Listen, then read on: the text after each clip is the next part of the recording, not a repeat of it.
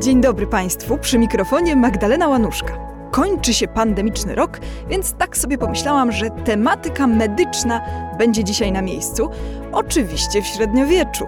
A że jeszcze niedawno miałam okazję wygłaszać wykład na temat średniowiecznych zielników, to właśnie dzisiaj o takim rękopisie Państwu opowiem. Będzie jednak nie tylko o roślinach. Powiem Państwu o pasternaku i o mandragorze, ale także pojawią się informacje o leczniczym wykorzystaniu głowy wilka albo serca zająca, a nawet o tym, do jakich kuracji byłby nam potrzebny eunuch. Zapraszam do posłuchania.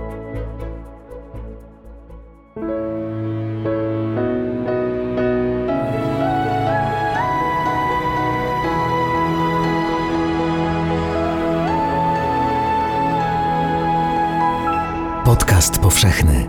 Weź, słuchaj. Dzisiaj postanowiłam opowiedzieć Państwu o niezwykłym rękopisie.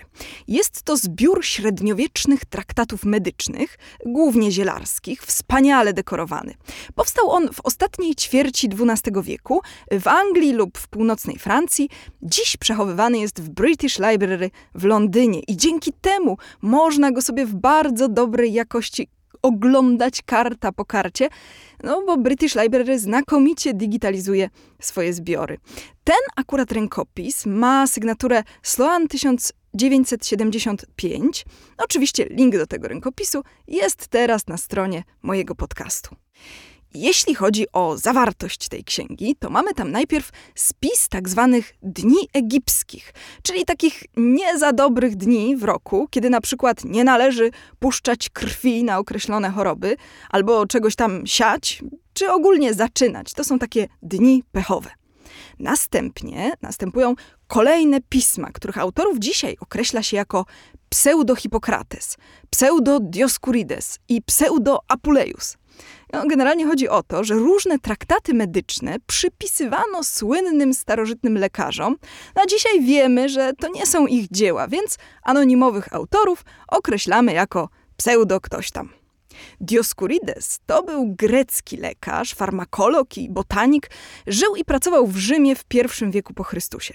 Jego prawdziwym i bardzo ważnym dziełem była pięciotomowa praca De Materia Medica, stanowiąca najważniejszą księgę o ziołach y, w czasach późnoantycznych. Y, na tej księdze też bazowały późniejsze kodeksy apteczne. Natomiast Hipokrates, zwany ojcem medycyny, to lekarz grecki żyjący na przełomie V i IV wieku przed naszą erą. To z nim wiąże się popularyzacja teorii humoralnej, czyli teorii o czterech temperamentach. W poprzednim moim podcaście opowiadałam Państwu o melancholii, czyli właśnie o jednym z czterech temperamentów. W skrócie przypominając, y, założenie było takie, że są cztery płyny w ciele człowieka: krew, flegma, żółć oraz czarna żółć. I w zależności od tego, czego mamy więcej, to możemy mieć temperament sangwiniczny, flegmatyczny, choleryczny lub melancholiczny. Z każdym z tych temperamentów związane było wiele czynników, planety, pory roku, żywioły i wszystko to miało mieć właściwości charakterystyczne także dla temperamentów. Rośliny i ogólnie składniki diety także dostosowywano do tej teorii i średniowieczne herbaria, czyli zielniki, y, zawierały opisy kolejnych roślin właśnie pod kątem ich właściwości medycznych.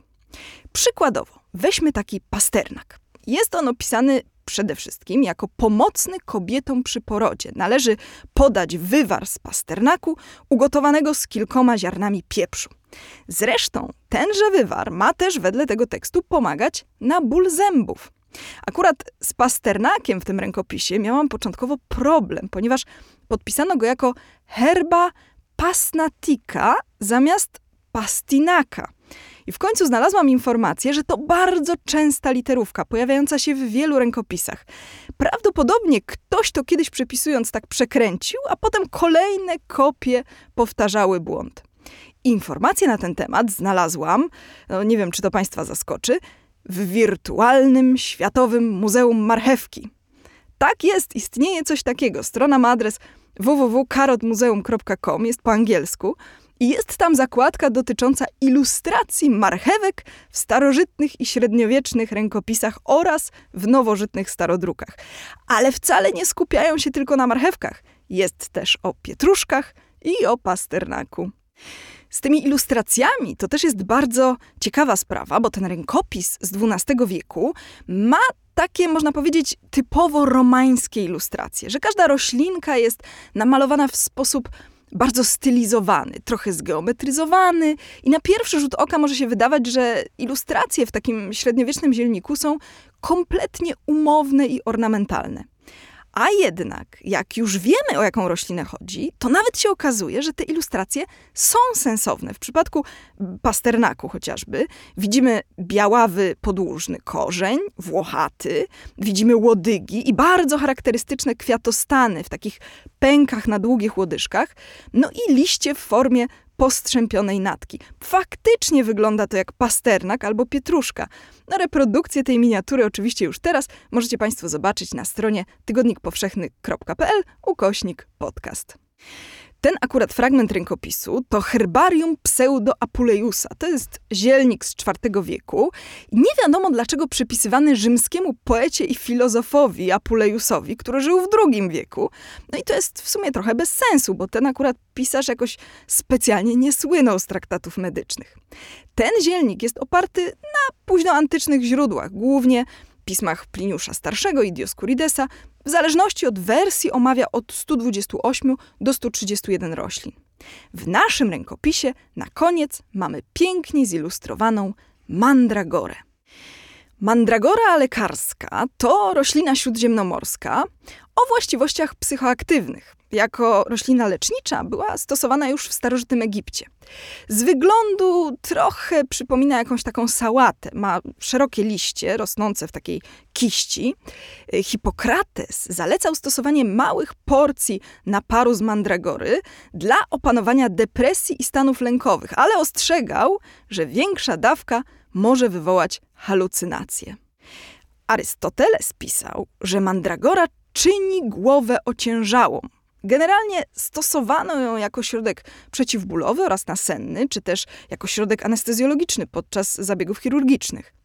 Ale mandragora miała mieć także inne właściwości. Przede wszystkim jako afrodyzjak, czy też środek przywracający płodność.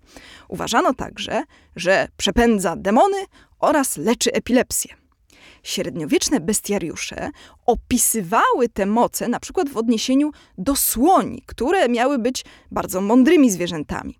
Jednak samiec słonia, wedle średniowiecznych przekazów, jest niechętny kopulacji, a zatem w celu przedłużenia gatunku słoń i słonica udają się na wschód, kierunku Edenu, gdzie rośnie mandragora. Słonica zjada owoc i daje go słoniowi, a następnie natychmiast przechodzą do poczęcia potomstwa. No, wiadomo, że jak to miało być tak skuteczne na słonie, to co dopiero na ludzi. Mandragora była zatem bardzo poszukiwaną rośliną. Dodatkowo na jej magiczność i legendy z nią związane miał wpływ kształt jej korzenia, bo on przypomina postać ludzką. Pliniusz starszy pisał, że odmianę o białym korzeniu uważa się za męską mandragorę, podczas gdy inna o ciemnym korzeniu to roślina żeńska. No i teraz zaczynają nam się fascynujące legendy. Mandragora, przypominająca człowieczka, miała bowiem zachowywać się w magiczny sposób. Nie było łatwo ją znaleźć, chociaż wskazówką, gdzie szukać, jest legenda, która mówi, że rośnie ona na przykład pod szubienicami, powstając ze spermy wisielca. Wedle rękopisów średniowiecznych mandragora świeci nocą niczym lampa, ale bardzo trudno ją zerwać. Po pierwsze dlatego, że jak się próbuje ją chwycić, to ona ucieka. Broniącą się mandragorę można było spacyfikować, polewając ją kobiecą krwią menstruacyjną albo moczem. Ale to nie koniec kłopotów. Otóż niestety, jak się wyrywa mandragorę, to jej korzeń podobno wydaje straszny krzyk, który może człowieka przyprawić o śmierć lub szaleństwo. W związku z tym uważano, że mandragorę należy zrywać za pomocą psa. Przywiązać psa do mandragory, kazać mu zaczekać, a następnie z odpowiedniej odległości przywołać zwierzę lub przywabić jedzeniem. Pies w ten sposób wyrywa mandragorę i oczywiście zdycha z powodu jej krzyku, no ale człowiek wówczas może już bezpiecznie zbliżyć się i zabrać roślinę. W naszym rękopisie mandragora ma postać nagiego człowieczka z czerwoną głową i z tej głowy wyrastają te charakterystyczne wachlarzowo ułożone liście. Do nóg naszej mandragory oczywiście jest przywiązany pies. Reprodukcja już teraz jest na stronie mojego podcastu w serwisie Tygodnika Powszechnego. Sztuka powszechnie nieznana. Opowiada Magdalena Łanuszka. Kolejnym tekstem y, w dziś omawianym przeze mnie rękopisie a jest to, przypomnę, zbiór tekstów medycznych z czwartej ćwierci XII wieku, przechowywany w British Library w Londynie, jest traktat De Herbis Femininis, czyli o roślinach żeńskich. Chociaż nie wiadomo skąd taki tytuł, ponieważ nie jest to ani zestaw roślin tylko żeńskich, ani nie dotyczy jedynie na przykład leczenia chorób kobiecych. Ten traktat prawdopodobnie powstał w VI wieku w południowej Europie. Został oparty na De Materia Medica Dioscuridesa i też jemu niesłusznie był przypisywany. Omawia 71 ziół. No i wreszcie na koniec mamy tekst zatytułowany De Medicamentis ex Animalibus, czyli o lekach ze zwierząt. To jest traktat późnoantyczny, zapewne z IV wieku po Chrystusie, a jako jego autor jest podany Sextus Placitus Papyriensis. Tylko, że w sumie nie bardzo wiadomo, kto to tak naprawdę był. Mówi się czasem, że lekarz, ale no, prawdę mówiąc, to byłoby bardzo źle, ponieważ ten akurat tekst jest pełen bzdur i zabobonów. No bo ogólnie, wyjąwszy może pewne legendy, jak te o krzyku mandragory, no to większość tych medycznych informacji na temat właściwości leczniczych poszczególnych roślin jest prawdziwa. Ziołolecznictwo stanowiło bardzo ważną i skuteczną formę medycyny w starożytności i w średniowieczu. No ale jeśli chodzi o traktat Sextusa Placitusa, to tam znajdziemy masę kompletnie fantastycznych kuracji. Cała idea traktatu o lekach ze zwierząt polega na tym, że są po kolei wymieniane zwierzęta z informacją, do czego medycznie może się przydać coś z ich ciała, na przykład skóra, tłuszcz, krew, zęby itd. Oczywiście zwierzęta są tu też namalowane przy kolejnych opisach i z tego powodu czasami ilustracje z tego traktatu pojawiają się opisane jako miniatury ze średniowiecznego bestiariusza, ale to jest błąd. Bestiariusz to było zupełnie coś innego. To był opis zachowań zwierząt wraz z chrześcijańską interpretacją symboliczną. O tym już kiedyś Państwu opowiadałam w podcaście pod tytułem Fantastyczne zwierzęta i jak je rozumieć. Tymczasem tutaj mamy zupełnie inne informacje. Na przykład w przypadku wilka, że jego mięso zapobiega różnym podrażnieniom, a głowa wilka pod poduszką zapewni spokojny sen. No, już to widzę, spanie z odrąbaną głową wilka. Niektóre części ciał zwierząt miały być używane do tworzenia mikstur, suszone i gotowane, ale niektóre miały działać jak amulety. Na przykład noszenie na szyi serca zająca miało chronić przed malarią. Dosyć makabryczny jest przepis na leczenie kolek, oto bowiem należałoby spożyć gotowanego szczeniaka. Trzeba też powiedzieć, że tekst ten zawiera informacje o zastosowaniu substancji pochodzących z ciała ludzkiego, aczkolwiek nie chodzi tu oczywiście o makabryczne mordowanie ludzi do produkcji leków. Ale na przykład jest cały kawałek wychwalający zalety moczu młodych chłopców i dziewcząt, a dokładniej dziewic. Ten mocz miał mieć masę zastosowań, od produkcji preparatów przeciwzmarszczkowych po hartowanie mieczy. Do tego jest oczywiście śliczna miniatura przedstawiająca młodego nagiego chłopca siusiającego do miski w towarzystwie dziewicy. Z innych miniatur dekorujących ten tekst, y, na pewno dość zapadające w pamięć są ilustracje procedur chirurgicznych, zwłaszcza zgromadzone na jednej karcie leczenie polipów w nosie, katarakty oraz hemoroidów, no to akurat przedstawienia konkretnych zabiegów, które przynajmniej mają jakiś medyczny sens, w przeciwieństwie do opisanych w tekście kuracji. Na koniec wreszcie zostawiłam sobie mój ulubiony przepis z tego traktatu, a mianowicie sposób na gorączkę.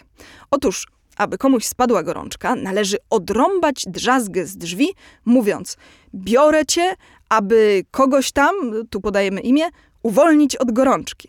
Ale uwaga, aby to zadziałało, to muszą być to drzwi, przez które przed chwilą przeszedł eunuch. Eunuch, proszę Państwa, w ogóle był przydatny medycznie. Oto bowiem okazuje się, że but eunucha miałby służyć do sporządzenia leku na impotencję. Ewentualnie można było też użyć zęba martwego człowieka.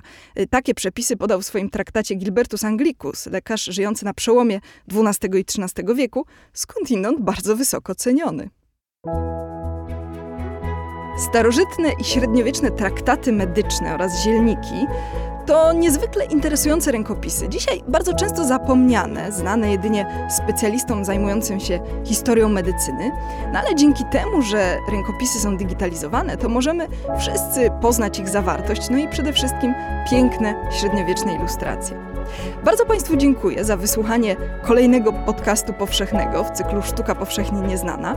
Oczywiście życzę Państwu spokojnych świąt Bożego Narodzenia, radosnych mimo panującej pandemii, no i rzecz jasna, zdrowia. No, może niekoniecznie zalecałabym wypróbowywanie wszystkich tych średniowiecznych kuracji, ale też tak do końca nie możemy pogardzać dawnymi zaleceniami. Wydaje mi się, że właśnie dzisiaj, w niepewnych czasach epidemii, powinniśmy przypomnieć sobie porady z medycznego poematu Regimen Sanitatis Salernitanum z XI wieku, które są następujące. Gdy zawiodą cię lekarze, niechaj leczy cię tych oto trzech doktorów. Spokój umysłu, odpoczynek i zrównoważona dieta. A poza tym, jeśli chcesz być zdrów, to często myj ręce. Tak właśnie radzono w średniowieczu. Do usłyszenia w nowym roku. Oby był lepszy niż ten, który właśnie mija. Pozdrawiam Państwa bardzo serdecznie. Magdalena Łanuszka.